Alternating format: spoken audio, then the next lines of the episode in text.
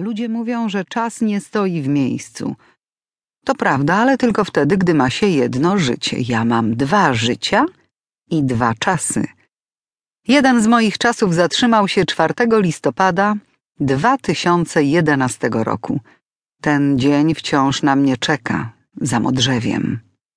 A w Annopolu pory roku przebiegają zgodnie z kalendarzem i dużo się dzieje. Poza życiem rodzinnym absorbuje mnie teraz nowy zawód. Otóż jestem autorką bajek dla dzieci. Nigdy nie sądziłam, że zajmę się wymyślaniem bajek, ale co było robić? Musiałam. Ze względu na męża. Aniu, poczytasz mi swoją książkę?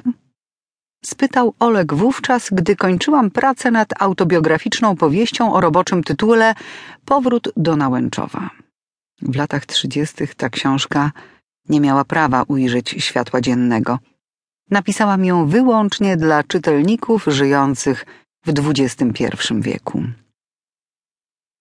Byłam więc zmuszona do pisania, że tak powiem, na dwa zeszyty, oba w identycznych marmurkowych okładkach – w jednym snułam prawdziwą opowieść o swoim życiu, drugi zaś był przykrywką, alibi i zawierał zabawne historyjki o zwierzętach zamieszkujących las idealny. Gdy przeczytałam Olkowi jedną z tych historyjek, poprosił zaraz o drugą, potem o trzecią. A później oświadczył, że są dobre i że powinnam je opublikować. Tak zaczęła się przedwojenna kariera Anny Obryckiej. Pisanie bajek to coś akurat dla mnie i chyba jestem w tym niezła. A powrót do Nałęczowa? Cóż, na półce w toruńskim mieszkaniu ciągle czekają cztery zapisane zeszyty.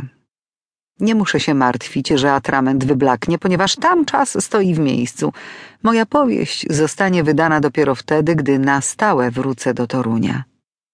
Nie zadaję sobie pytania, kiedy to nastąpi. Mam nadzieję, że przede mną i Olkiem jeszcze dziesiątki wspólnych lat.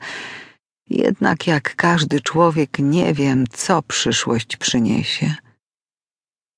Życie jest pełne niespodzianek, a kiedy ma się dwa życia, to niespodzianek jest dwa razy więcej. Zaraz po obudzeniu Franek spojrzał w lusterko, żeby upewnić się, czy ciągle jest lisem. Tak, był lisem. Już ósmy dzień był lisem.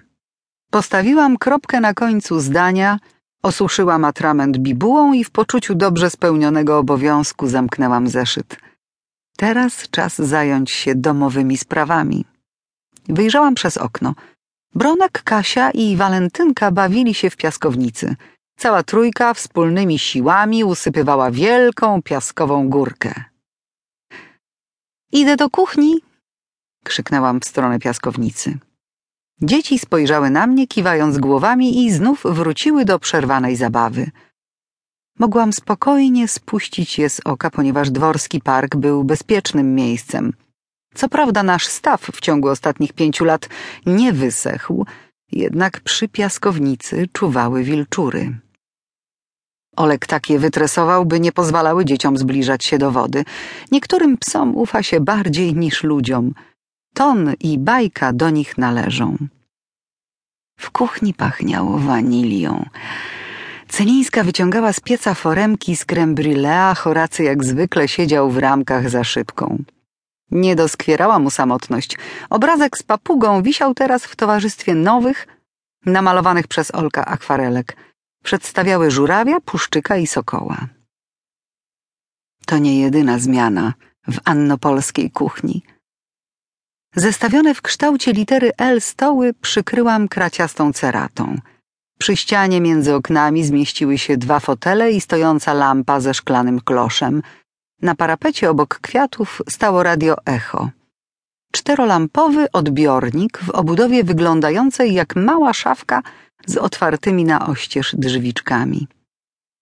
Jednak najważniejsza zmiana polegała na tym, że wywalczyłam sobie prawo do gotowania. Jak wiadomo, pani administratorowa Obrycka nie powinna osobiście przesuwać pogrzebaczem fajek.